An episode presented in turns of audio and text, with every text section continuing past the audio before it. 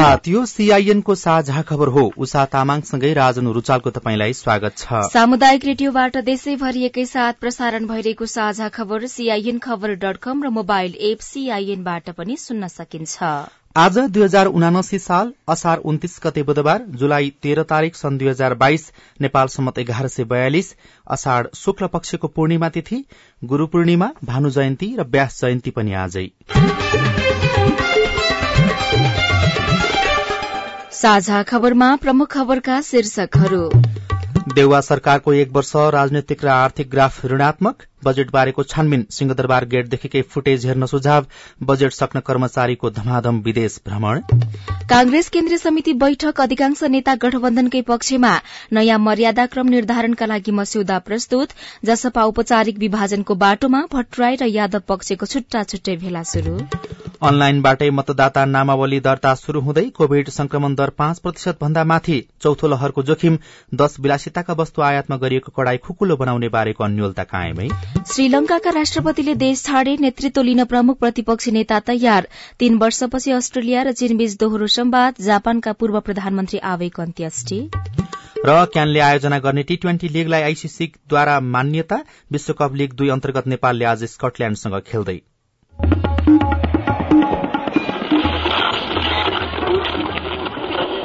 Radio. हजारौं radio कर्मी र करोड़ौं नेपालीको माझमा यो हो सामुदायिक सूचना नेटवर्क सीआईएन साझा खबरको सबैभन्दा शुरूमा सिंहदरबारमा भएको बजेट बारेको विषय र त्यसको छानबिनको प्रक्रिया सम्बन्धी समाचार। तत्कालीन अर्थमन्त्री जनार्दन शर्माले बिचौलियासँग मिलेर करको दर हेरफेर गरेको आरोप लागेपछि गठन भएको संसदीय छानबिन समितिले मंगलबार काम शुरू गरेको छ। समितिले साउन पाँचभित्र संसदमा प्रतिवेदन पेश गरिसक्नुपर्ने हुन्छ। काम शुरू गरेको दस दिनभित्र छानबिन गरी प्रतिवेदन पेश गर्ने समयावधि समितिले पाएको छ। उपभोक्ता हित संरक्षण मञ्च नेपालले असार चौधमा निवेदन दिएर सीसीटीभीको फुटेज माग गर्दा मन्त्रालयले तेह्र दिनभन्दा बढ़ीको फुटेज अभिलेखमा नरहने जवाफ दिएको थियो। संसदमा बजेट प्रस्तुत हुने अघिल्लो राति अनधिकृत व्यक्तिलाई मन्त्रालय प्रवेश गराएर तत्कालीन अर्थमन्त्री शर्माले करको दायरा हेरफेर गरेको प्रमाण डिलिट गर्दै आएको आशंकामा छानबिन भइरहेको छ। गत बुधबार प्रतिनिधि सभाद्वारा गठन भएको समितिको पहिलो बैठकले आफ्नो कार्यविधिको मस्यौदा तयार गरेको छ। समितिले पहिलो चरणमा अर्थ मन्त्रालय परिसरको जेठ चौध मध्याहदेखि पन्ध्र गते मध्याहसम्मको सीसीटीभी फुटेज झिकाएको छ। यी फुटेज बिहिबार दुई बजेसम्म उपलब्ध गराउन निर्देशन दिने निर्णय भएको समितिका सचिव सुरेन्द्र अर्यालले जानकारी दिनुभयो। विज्ञहरूका अनुसार मन्त्रालयबाट सीसीटीभी फुटेज नपाए समितिले अर्थ मन्त्रालय आसपासका परराष्ट्र र गृह मन्त्रालयका सीसीटीभी फुटेज पनि हेर्न सक्छ। त्यस्तै सिंहदरबार गेटदेखि मन्त्रालयसम्म जाने सड़कमा राखिएको सबै फुटेज पनि अध्ययन गर्न सक्छ। सिंहदरबार प्रवेश गर्ने मूल गेटमा उच्च क्षमताको क्यामेरा जडान गरिएको छ। यी दृश्य हेरेर पनि समितिले वास्तविकता खोज्न सक्छ। मन्त्रालय र मन्त्रीको सचिवालयले जारी गरेका अस्थायी परिचय पत्रको विवरण अध्ययन गर्ने करको दर हेरफेर गर्न मन्त्रालय पुगेका भनिएको व्यक्तिको कल रेकर्ड र लोकेशन हेर्ने र आरोपित व्यक्तिको बैंकिङ कारोबार हेर्ने लगायतका उपायबाट पनि छानबिन गर्न सकिने बताइएको छ। अब देवा सरकारको एक वर्षको समीक्षा। सरकारको एक वर्ष कार्यकाल गठबन्धन मजबूत बनाउन र सत्ता टिकाउनमै बितेको छ। पाँचौं पटक प्रधानमन्त्री बन्नुभएका शेरबहादुर देउवा गठबन्धनको गलपासोमा यसरी बाँधिनु भएको छ कि उहाँ सत्ता टिकाउन जस्तोसुकै अप्रिय निर्णय गर्न अग्रसर हुने गर्नु भएको छ। सरकार गठन भएको एक महिनामै ल्याइएको न्यूनतम साझा कार्यक्रम समेत अलपत्र बनेको छ। आलोचना हुने गरेका पूर्ववर्ती केपी शर्मा ओली सरकारका अलोकप्रिय कदम कार्यान्वयन भएका छन्। प्रधानमन्त्री देउवालाई मन्त्री परिषदमा पूर्णता दिनै करिब तीन महिना लाग्यो। यसको प्रमुख कारण थियो गठबन्धनमा सहभागी माधव नेपाल नेतृत्वको एकीकृत समाजवादीको संवैधानिक मान्यताको बल्झन। राजनैतिक शास्त्रका प्राध्यापक लोकराज बराल देवा सरकारको एक वर्ष सत्ता टिकाउनमै बितेको बताउनुहुन्छ। ओली सरकारको गलत प्रवृत्तिको विकल्पमा आएको गठबन्धन सरकारले ओली प्रवृत्तिलाई नै निरन्तरता दिएको प्राध्यापक बरालको भनाइ छ।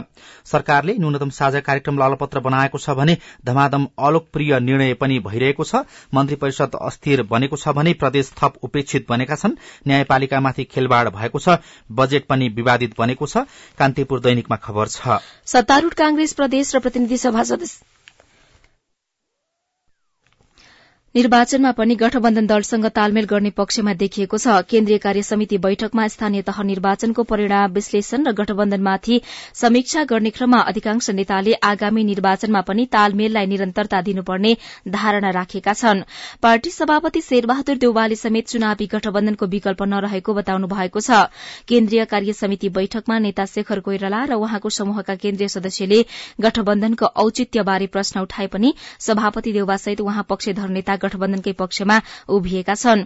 दुई दिनसम्म नेताहरूको धारणा सुनेपछि मंगलबार धारणा राख्नुभएका सभापति देउवाले गठबन्धनकै कारण कांग्रेस स्थानीय तह निर्वाचनमा पहिलो दल बनेको र त्यसलाई निरन्तरता दिनु आवश्यक रहेको बताउनुभयो।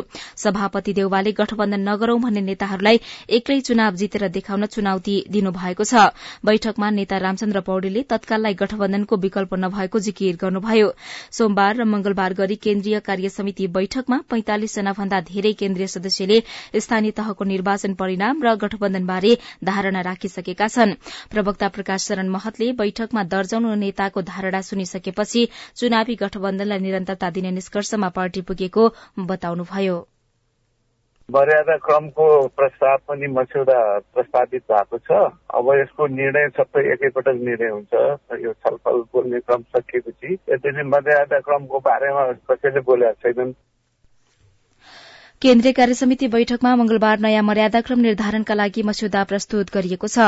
मर्यादाक्रमबारे विवाद भएपछि सभापति देउबाले सह महामन्त्रीहरू जीवन परियार डीना उपाध्याय र बद्री पाण्डेलाई मर्यादाक्रमको मस्यौदा तयारीको जिम्मा दिएका थिए। मंगलबारको बैठकमा सह महामन्त्री पाण्डेले मर्यादाक्रमको मस्यौदा छलफलका लागि प्रस्तुत गर्नुभएको हो।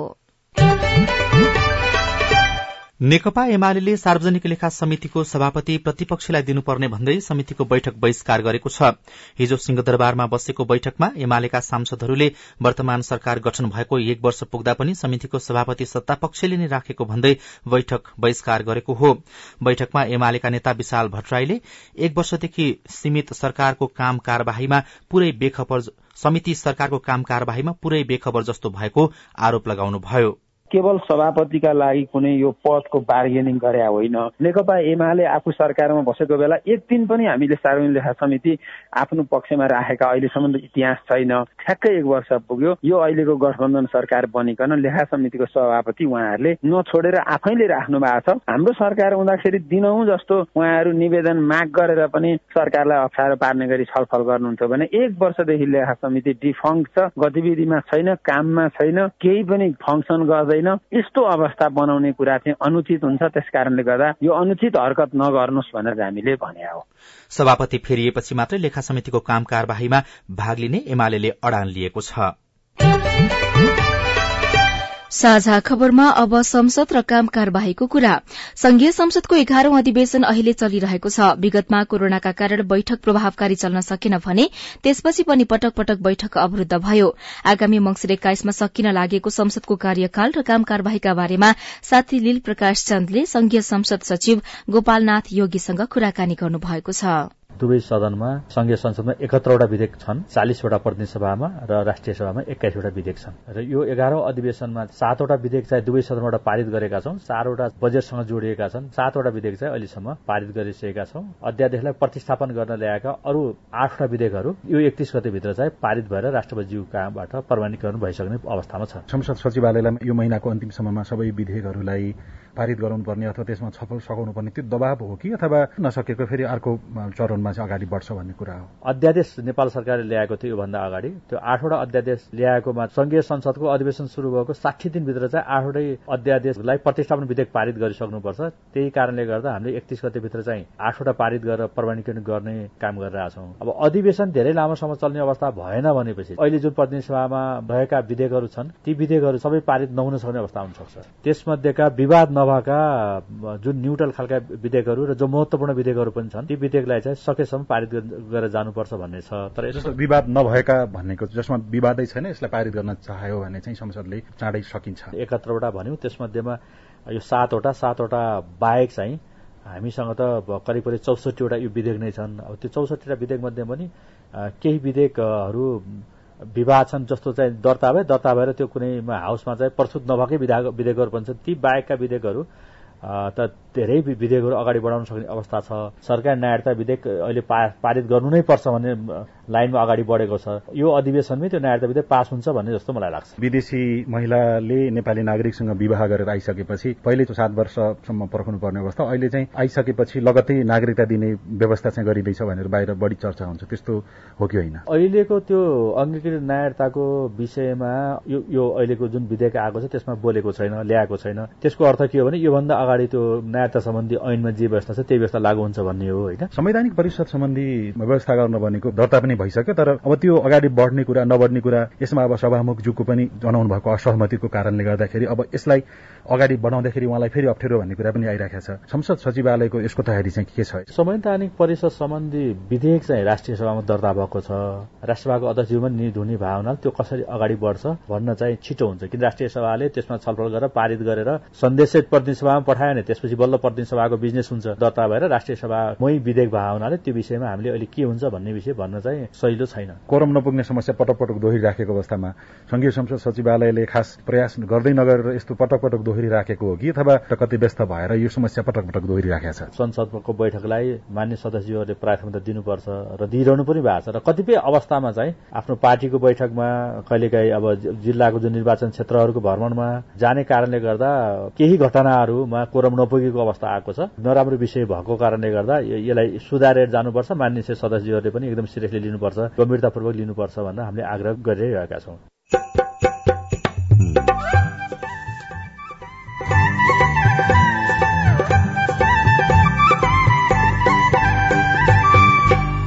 सामुदायिक सूचना नेटवर्क सीआईएन मार्फत देशभरि प्रसारण भइरहेको साझा खबरमा पछिल्लो एघार महिनामा चौवालिस करोड़को हरिया चुरा आयात बिक्री त मजाले हुन्छ नि। अब साउनमा हरियो पहेँलो रातो सबै नारीहरूको एउटा गहना नै हो नि त। सत्तर उनासीमा चौवालिस करोड़ अन्ठाउन्न लाख आयात भएको देखिन्छ।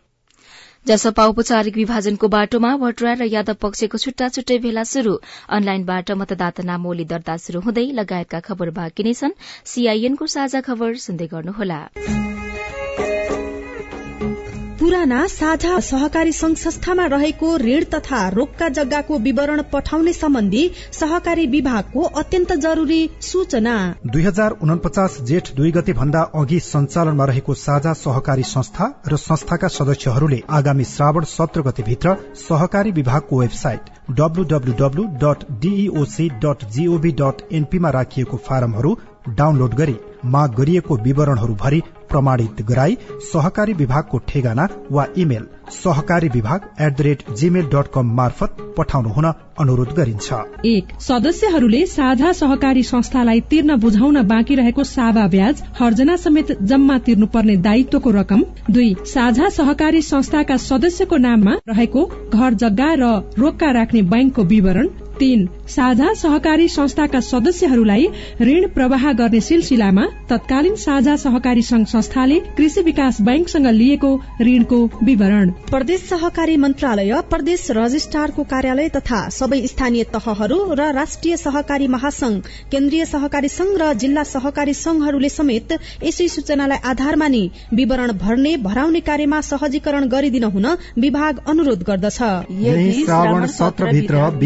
पेश हुन नआएमा पछि छुट हुन गएको भने माग दावी गर्न पाइने छैन। थप जानकारीको लागि असार पन्ध्र गतेको गोर्खा पत्र अन्नपूर्ण पोस्ट वा नयाँ पत्रिका हेर्नुहोला अथवा विभागको website WWW dot DEOC dot GOV dot NP हेर्नुहोला। सहकारी विभाग नयाँ बानेश्वर काठमाडौँ। सामाजिक रूपान्तरणका लागि यो हो सामुदायिक सूचना नेटवर्क सीआईएन तपाईँ अहिले देशभरिका सामुदायिक radio CIN Khabar dot com र मोबाइल एप सीआईएनबाट एकैसाथ साझा खबर सुन्दै हुनुहुन्छ। अब बाँकी खबर। जनता समाजवादी पार्टी जसपाका संघीय परिषद अध्यक्ष बाबुराम भट्टराईले अध्यक्ष उपेन्द्र यादव पार्टी कब्जा गर्ने योजनामा लागेपछि नयाँ पार्टी बनाउनु पर्ने स्थिति आएको बताउनु भएको छ। पार्टी विभाजनको संघारमा पुग्नुको मुख्य सात कारण उल्लेख गर्दै उहाँले मुख्य दोष यादवको कार्यशैलीलाई देखाउनु भएको छ। काठमाण्डुमा भट्टराई पक्षले बोलाएको केन्द्रीय समितिको विस्तारित बैठकमा हिजो पार्टी रूपान्तरण पुनर्गठनको औचित्य र कार्यभार शीर्षकको राजनैतिक प्रतिवेदन प्रस्तुत गर्नुहुँदै भट्टराईले पार्टी समायोजनकै बेलादेखि यादवमा कब्जा गर्ने सोच हावी रहेको टिप्पणी गर्नुभएको छ। यादवकै कार्यशैलीले पार्टी संगठन व्यवस्थित र चुस्त दुरूस्त बन्न नसकेको उहाँको तर्क छ। भट्टराईले पार्टीमा वैचारिक र संगठनात्मक समस्या कार्यशैलीमा प्रश्न भू राजनैतिक सोचमा भिन्नता व्यवस्थापनको समस्या नेतृत्वको पद्धति र मोडालिटीको प्रश्न र सुशासन र डेलिभरी मुद्दाप्रति व्यवस्था जस्ता सात समस्या देखिएको उल्लेख गर्नुभएको छ। सबै पक्षको मनोभाव सम्बोधन गरेर संगठनात्मक संरचना बलियो बनाउनु पर्नेमा अध्यक्ष यादवले अनेक झमेला सृजना गरेर अविश्वास देखाउँदै कार्यकर्तामा निराशा जगाउने गतिविधि गरेको टिप्पणी पनि भट्टराएको छ। भट्टराईको प्रतिवेदनमा अध्यक्ष यादवको कार्यशैलीमाथि प्रशस्त आलोचना गरिएका छन्। अब आज काठमाण्डुबाट प्रकाशित पत्र पत्रिकाको खबर नयाँ पत्रिका दैनिकको पहिलो पृष्ठमा बजेट सक्न कर्मचारीको धमाधम विदेश भ्रमण शीर्षकमा खबर छापिएको छ। यो खबर सुभाष भट्टलले लेख्नु भएको हो। विदेशी मुद्रा संचितिमा आएको गिरावट रोक्न गत वैशाखमा सरकारले अनिवार्य प्रतिनिधित्व हुनुपर्ने बाहेक निजामती कर्मचारीको विदेश भ्रमण रोक्ने निर्णय गरेको थियो तर बजेट सक्न आर्थिक वर्षको अन्त्यमा विदेश शयरमा कर्मचारीको लर्को देखिएको छ। मध्य जेठ यता मात्रै एक कर्मचारीले विदेश भ्रमण गरेका छन् खास गरी बजेट धेरै भएका मन्त्रालयहरू अर्थ कृषि पर्यटन वन तथा आर्थिक अख्तियार दुरूपयोग अनुसन्धान आयोग लगायतबाट ठूलो संख्यामा कर्मचारीहरू विदेश भ्रमणमा गएको खबरमा उल्लेख गरिएको छ। त्यस्तै नयाँ पत्रिका दैनिकै पहिलो पृष्ठमा कोविड संक्रमण दर पाँच प्रतिशत भन्दा माथि पुगेको खबर पनि छापिएको छ। असार एक गते यता शून्य दशमलव छ चार प्रतिशत रहेको कोविडको संक्रमण दर दैनिक अहिले बढ़ेर पाँच प्रतिशत भन्दा माथि पुगेको उल्लेख गरिएको छ। सोमबार पाँच दशमलव पाँच छ प्रतिशत रहेको संक्रमण दर मंगलबार बढ़ेर पाँच दशमलव छ छ प्रतिशतमा पुगेको छ। स्वास्थ्य मन्त्रालयका अनुसार पछिल्लो चौविस घण्टामा पीसीआर र एन्टीजेन विधिबाट कुल तीन हजार एक सय छब्बीस नमूना परीक्षण भएकोमा एक सय सतहत्तर जनामा कोविड संक्रमण पुष्टि भएको छ। सोमबार तीन हजार बीस नमूना परीक्षण गर्दा एक सय अडसठी जनामा रिपोर्ट पोजिटिभ आएको बताइएको छ। आइतबार भने तीन हजार पैंतालिस नमूना परीक्षण गरिएकोमा एक सय एक्काइस अर्थात तीन दशमलव नौ सात प्रतिशतका दरले संक्रमण पुष्टि भएको थियो। शनिबार यता दैनिक संक्रमितको संख्या सय भन्दा माथि पुगिरहेको छ। कान्तिपुर दैनिकमा दश वस्तुको आयात खुल्छ। विदेशी मुद्रा संचितिमा हुँदै आएको कमी नियन्त्रण गर्न बन्देज यथावत राख्नुपर्नेमा सरकारवालाको सुझाव। शीर्षकमा राजु चौधरीले खबर लेख्नु भएको छ। मुद्रा संचिति घटेपछि सरकारले गत वैशाख तेह्रमा राजपत्रमा सूचना प्रकाशन गरी मदिरा तास मोबाइल टीभी मोटरसाइकल लगायत दश वस्तुका आयातमा बन्देज लगायो। अर्बौं रूपियाँ बराबरका विलासिताका सामान आयात हुन थालेपछि अर्थतन्त्रलाई उकास्न भन्दै कुरकुरे कुरमुरे लेस र यस्तै उत्पादन मदिरा चुरोट तथा सुर्तीजन्य वस्तु कच्चा पदार्थ बाहेक आयात गर्न निर्णय आयात गर्न निर्णय गरेको थियो। हीरा औद्योगिक कच्चा पदार्थ बाहेक मोबाइल सेट रंगीन टेलिभिजन बत्तीस इन्च भन्दा माथि जीप कार र भ्यान दुई सय पचास सीसी भन्दा माथिका मोटरसाइकल खेलौना र तास आयातमा बन्देज लगाइएको छ। ती वस्तुको आयात दुई हजार उनासी असार मसान्तसम्म रोक लगाइएको हो। असार सकिन केही दिन मात्र बाँकी हुँदा यी वस्तुमा थप रोक लगाउने कि खुल्ला गर्नेमा अन्यल देखिएको छ। एकातर्फ अर्थतन्त्र सुधार भइसकेको छैन भने अर्कोतर्फ खुला सीमाका कारण केही वस्तुको तस्करी भइरहेको उद्योग वाणिज्य तथा आपूर्ति मन्त्रालयले बताउँछ जसले गर्दा आयात खुलाउने वा बन्देज यथावत राख्ने निर्णय हुन सकेको छैन। अर्को खबर गोर्खापत्र दैनिकमा छापिएको छ। अझै पाएनन् विद्यार्थीले पाठ्य पुस्तक शीर्षकमा यो खबर छ। सूर्य प्रसाद पाण्डेले यसलाई लेख्नु भएको हो। यसपटक एक महिना ढिलो पढ़ाई शुरू हुँदा पनि पुस्तक पुर्याउन नसकेको भन्दै पुस्तक छपाई र वितरणको जिम्मेवारी लिएको जनक शिक्षा सामग्री केन्द्र लिमिटेडको आलोचना भइरहेको छ। यसबारे केन्द्रका प्रवक्ता चित्राचार्यले पुस्तक छपाई लगभग सकिएको जवाफ दिनुभयो। जबकि केन्द्रले केही दिन अघि मात्रै शिक्षा तथा मानव स्रोत विकास केन्द्रका महानिर्देशकको संयोजकत्वमा रहेको पाठ्यपुस्तक केन्द्रीय अनुगमन समितिलाई अझै दश लाख थान पुस्तक छपाई गर्न बाँकी रहेको लिखित जानकारी गराएको थियो। र निर्वाचन आयोगले अनलाइनबाट नै मतदाता नामावली दर्ता शुरू गरेको छ। अनलाइन दर्ता भने तत्काल काठमाण्डु उपत्यकाका तीन जिल्लामा मात्रै शुरू हुनेछ। आयोगका प्रवक्ता शालिग्राम शर्मा पौडेलले पाइलट अपरेशनका रूपमा आजदेखि काठमाण्डु उपत्यकाका तीन जिल्लाबाट अनलाइन दर्ता शुरू गर्न लागेको जानकारी दिनुभयो। साझा खबरमा अब हेलो सीआईएन सजना तिमल सिन्हाबाट। नमस्कार।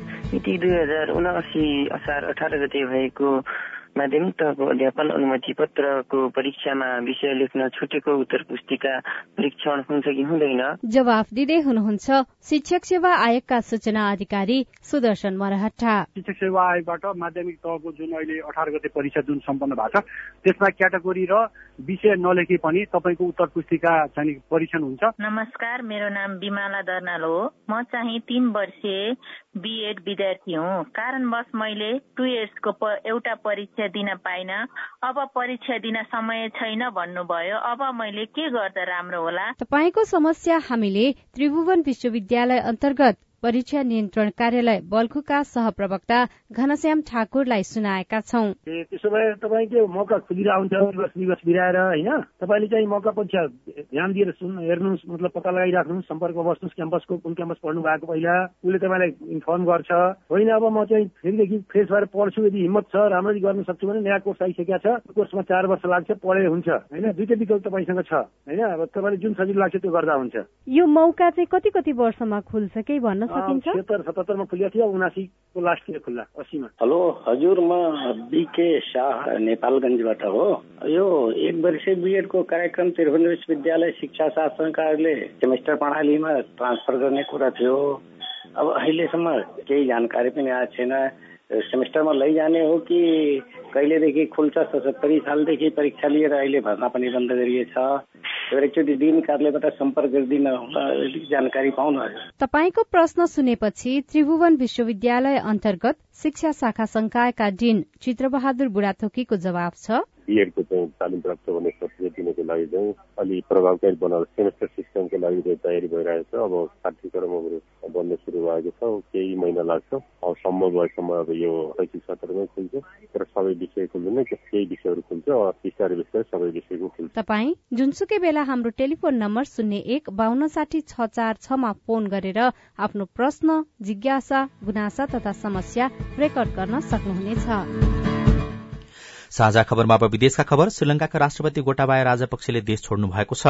सर्वसाधारणको विरोधपछि त्रिहत्तर वर्षका राष्ट्रपति राजपक्षले देश छोड्नु भएको हो। उहाँ स्थानीय समय अनुसार राति तीन बजेतिर मालदेव्सको राजधानी माले पुग्नु भएको अन्तर्राष्ट्रिय संचार माध्यमले लेखेका छन्। राजापाक्सेको विदाईले श्रीलंकामा दशकौंसम्म शासन गर्ने पारिवारिक वंशको अन्त्य भएको खबरमा उल्लेख छ। गत शनिबार राष्ट्रपति निवासमा प्रदर्शनकारीले आक्रमण गरेपछि राजापाक्से लुकेर बस्नु भएको थियो। उहाँका भाइ पूर्व अर्थमन्त्री वासिल राजापाक्से मान्छेले पनि देश छोडेको स्रोतलाई उद्धृत गर्दै बीबीसीले खबर लेखेको छ। उहाँ अमेरिका जाँदै गरेको खबरमा उल्लेख गरिएको छ। यसैबीच राष्ट्रपति राजापक्षको स्थान लिने बारेमा आफू तयार भएको प्रमुख प्रतिपक्षी दलका नेता समाजी जान बालावेगायाले घोषणा गर्नुभएको छ। आर्थिक संकट र बढ़दो विवादका बीच बालावेगायाले राष्ट्रपति राजापक्षको स्थान लिन आफू तयार भएको घोषणा गर्नुभएको हो। जापानी पूर्व प्रधानमन्त्री सिन्जो आवेको अन्त्येष्टि गरिएको छ। सडसठी वर्षका आवेको स्थानीय समय अनुसार हिजो दिउँसो साढे दुई बजीतिर टोकियोको मिनाटो स्थित जोजोई जोजोजी मन्दिरमा बौद्ध परम्परा अनुसार अन्त्येष्टि गरिएको बताइएको छ। र अस्ट्रेलिया र चीनबीच तीन वर्षपछि दुई देशीय संवाद शुरू भएको छ। जी ट्वेन्टी राष्ट्रहरूको बैठकमा सहभागी हुने क्रममा अस्ट्रेलियाका विदेश मन्त्री पेनी ओङ र चीनका विदेश मन्त्री वाङ यी बीच भेटवार्ता भएको हो। साझा खबरमा अब खेल खबर। अन्तर्राष्ट्रिय क्रिकेट परिषद आईसीसीले नेपाल क्रिकेट संघ क्यानले आयोजना गर्ने नेपाल टी ट्वेन्टी लीगलाई स्वीकृति दिएको छ। क्यानले प्रेस विज्ञप्ति जारी गर्दै आईसीसीले टी ट्वेन्टी लीगलाई स्वीकृति दिएको र यसले घरेलु क्रिकेटरलाई धेरै फाइदा पुग्ने जनाएको छ। नेपाल टी ट्वेन्टी लीग आगामी असोज आठदेखि कार्तिक पाँचसम्म डबल राउण्ड रोबिनको आधारमा टियु क्रिकेट मैदानमा आयोजना हुनेछ। क्यानले पहिलो पटक आयोजना गर्न लागेको प्रतियोगितामा छ टोली सहभागी हुनेछन्। आईसीसी पुरूष विश्वकप लीग दुई अन्तर्गतको त्रिगुणात्मक श्रृंखलामा नेपालले आज स्कटल्याण्डसँग खेल्दैछ। आज स्कटल्याण्डलाई हराउँदै नेपाल श्रृंखलामा पहिलो जित निकाल्न चाहन्छ तर बलियो टोली स्कटल्याण्डलाई हराउन नेपाललाई सहज भने हुने छैन। नेपाल सत्र खेलमा पन्ध्र अंक जोडेर लीग दुईको अंक तालिकामा छैठौं स्थानमा छ। स्कटल्याण्ड एक्काइस खेलमा तीस अंक जोडेर दोस्रो स्थानमा छ। र इंग्ल्याण्डसँगको पहिलो एक दिवसीय क्रिकेटमा भारतले शानदार जित दर्ता गरेको छ। राति भएको खेलमा घरेलु टोली इंग्ल्याण्डले दिएको एक सय एघार रनको लक्ष्य भारतले अठार दशमलव चार ओभरमा बिना विकेटको क्षति भेटायो। टस हारेर पहिला ब्याटिङ गरेको इंग्ल्याण्डले पच्चीस दशमलव दुई ओभरमा सबै विकेट गुमाएर एक सय दस रन बनाएको थियो। एघार महिनामा हरिया चुरा खरिदका लागि साढे चौवालिस करोड़ बाहिरियो रेडियो रिपोर्ट अरू खबर र कार्टुन पनि बाँकी नै छ। सीआईएनको साझा खबर सुन्दै गर्नुहोला।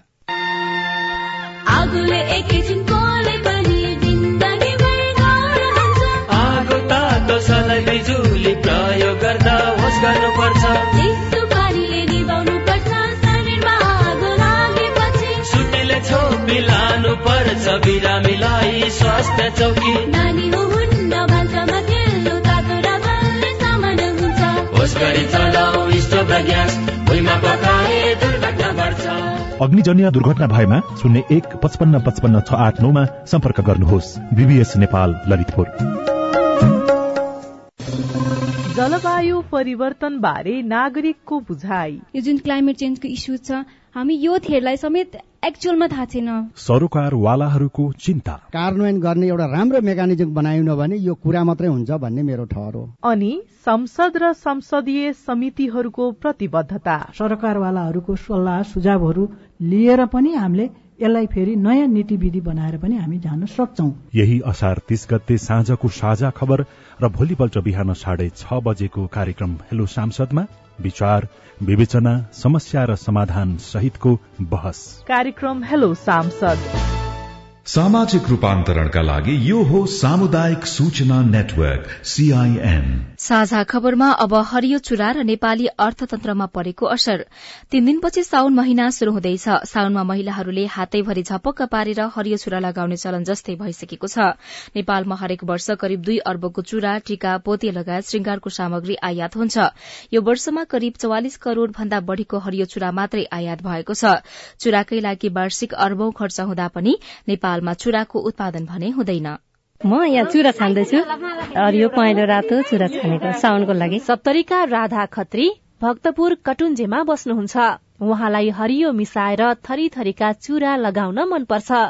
झण्डै बाह्र वर्षदेखि उहाँले साउनमा हरिया चुरा लगाउने गर्नु भएको छ। धेरै अगाडिदेखि नै सुरु भएको। म पनि तराईवासी हो। तराईमा चाहिँ त्यस्तो थिएन। यहाँ काठमाडौँमा बस्न आएको पछि मात्रै थाहा भयो होइन। मलाई पनि त्यस्तो चाहिँ थाहा छैन। बाह्र वर्ष सुरु गरेको। उता चाहिँ हाम्रो पहेँलो बढी लाउनुहुन्छ होइन। बालकुमारी ललितपुरका बिना खरेलको पसलमा साउन नलाग्दै हरियो चुरा किन्नेको भीड़ लाग्छ।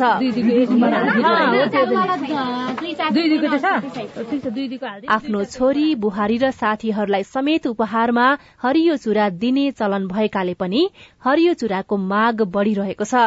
बिक्री त मजाले हुन्छ नि। अब साउनमा हरियो पहेँलो रातो सबै नारीहरूको एउटा गहना नै हो नि त। त्यो अरूको देखेपछि नि लगाउँ लगाउँ लाग्ने भएर पनि होला। बढ्दै बढ्दै गएको छ। अहिले त प्राय सबैको हातमा नै हरियो चुरा लगाउने धेरैलाई यसको धार्मिक तथा सांस्कृतिक कारण थाहा छैन। उनीहरूलाई नेपालमा चुरा उत्पादन नहुने र आफूले लगाउने चुराकै कारण वार्षिक अर्बौं रकम बाहिरिने बारेमा पनि थाहा छैन। धर्मशास्त्रले साउनमा हरिया चुरा र पोते लगाउनुलाई सौभाग्यको प्रतीक मान्ने गरेको छ। धार्मिक आस्था जे भए पनि हरियो चुरा चलन बन्दै गएको छ। पच्चीस वर्षदेखि चुराको व्यवसाय गर्दै आउनुभएका काठमाण्डु असनका अकिक मियाले यो वर्षको लागि मात्रै दुई करोड़ बढ़ीको हरियो चुरा आयात गर्नुभयो। साठी सत्तरी लाखको बेच्यो अब बिहानदेखि आइसक्यो होला पाँच सय जना त। आइरहेछ गइरहेछ यहाँ त। हजारौं मान्छे आउँछ दिनमा। चुरा खरिद गर्नको लागि मात्रै? हजार जना आउँछ होला। दुई हजार त्रिसठी सालदेखि बढेको। त्योभन्दा अगाडि चल्दैन थियो साउनको चुरा। असनमा मात्रै चुराको थोक व्यापार गर्ने पचास भन्दा बढ़ी पसल छन् जहाँबाट भारत चीन लगायत अन्य छ मुलुकबाट आयात भएका चुराहरू बिक्री हुन्छन्। भन्सार विभागको तथ्याङ्क अनुसार चालू आर्थिक वर्षमा मात्रै एक अर्ब बढ़ीको चुरा र टीकाहरू आयात भएको छ जसमा हरियो चुराको मात्रा झण्डै पचास प्रतिशत छ र यो दर साउन लागेपछि थप बढ़नेछ। भन्सार विभागका प्रवक्ता आनन्द काफले। हाम्रो भन्सार विभागको तथ्याङ्क अनुसार चुरा र टिकुलीको आयातको ट्रेन्ड चाहिँ बढेको देखिन्छ। सतहत्तर अठहत्तरमा कुल पैंतिस करोड़ अडचालिस लाखको आयात भएकोमा अठहत्तर उनासीमा चौवालिस करोड़ अन्ठाउन्न लाख आयात भएको देखिन्छ। यो भनेको यो एघार महिनाको तथ्याङ्क हो। नेपालमा हालसम्म चुराको उत्पादन शुरू हुन सकेको छैन जसले गर्दा नेपाली महिलाहरूले लगाउने चुराकै कारण वार्षिक एक अर्ब भन्दा बढ़ी बाहिरिने गरेको छ। अर्थतन्त्र दबावमा रहेका समयमा केही दिनपछि फुटेरै सकिने चुराको लागि भारी रकम बाहिरिनु चिन्ताकै विषय रहेको विज्ञहरू बताउँछन्। सुशीला श्रेष्ठ सीआईएन काठमाडौँ। रिपोर्टसँगै हामी साझा खबरको अन्त्यमा आइपुगेका छौं। सामुदायिक रेडियो प्रसारक संघद्वारा संचालित सीआईएनको बिहान छ बजेको साझा खबर सक्नु अघि मुख्य मुख्य खबर फेरि एकपटक। देउबा सरकारको एक वर्ष राजनीतिक र आर्थिक ऋणात्मक बजेट बारेको छानबिन सिंहदरबार गेटदेखिकै फुटेज हेर्न सुझाव बजेट सक्न कर्मचारीको धमाधम विदेश भ्रमण। कांग्रेस केन्द्रीय समिति बैठक अधिकांश नेता गठबन्धनकै पक्षमा नयाँ मर्यादा क्रम निर्धारणका लागि मस्यौदा प्रस्तुत। जसपा औपचारिक विभाजनको बाटोमा भट्टराई र यादव पक्षको छुट्टा छुट्टै भेला शुरू अनलाइनबाट मतदाता नामावली दर्ता शुरू हुँदै कोविड संक्रमण दर पाँच प्रतिशत भन्दा माथि चौथो लहरको जोखिम। दश विलासिताको वस्तु आयातमा गरिएको कडाई खुकुलो बनाउने बारेको अन्यलता कायमै। श्रीलंकाका राष्ट्रपतिले देश छाडै नेतृत्व लिन तयार रहेको प्रमुख प्रतिपक्षी दलका नेताको भनाई तीन वर्षपछि अस्ट्रेलिया र चीनबीच दोहोरो संवाद जापानका पूर्व प्रधानमन्त्री आवेको अन्त्येष्टि। र क्यानले आयोजना गर्ने टी ट्वेन्टी लीगलाई आईसीसीद्वारा मान्यता विश्वकप लीग दुई अन्तर्गत नेपालले आज स्कटल्याण्डसँग खेल्दै। साझा खबरको अन्त्यमा कार्टुन लिएका छौं राजधानी दैनिकबाट कुरी कुरी शीर्षकमा उत्तम नेपालले बनाउनु भएको कार्टुन छ। यहाँ एकजना नेता जस्ता देखिने व्यक्ति छन् अनि अर्का एकजना व्यक्ति चाहिँ कार्यकर्ता जस्ता देखिन्छन्। उनी नेताको खुट्टामा लम्पसार परेका छन् र दण्डवत गरेको जस्तो देखिन्छ। त्यही कुरालाई व्यङ्ग्य गर्न खोजिएको छ। क्षमता भन्दा पनि अहिले चाहिँ पार्टीमा भक्तिभाव भएकाहरूलाई मात्रै ठाउँ दिने गरिएको भनेर यो व्यङ्ग्य गर्न खोजिएको छ। तल चाहिँ यस्तो लेखिएको छ। पार्टी चलाउन क्षमता भएकालाई होइन हजुर। यस्तो भक्तिभाव भएकाहरूलाई चाहिँ अगाडि सार्नुपर्छ क्या।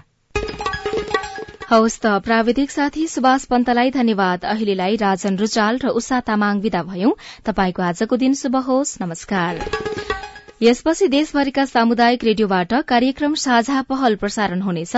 सुन्ने प्रयास गर्नुहोला।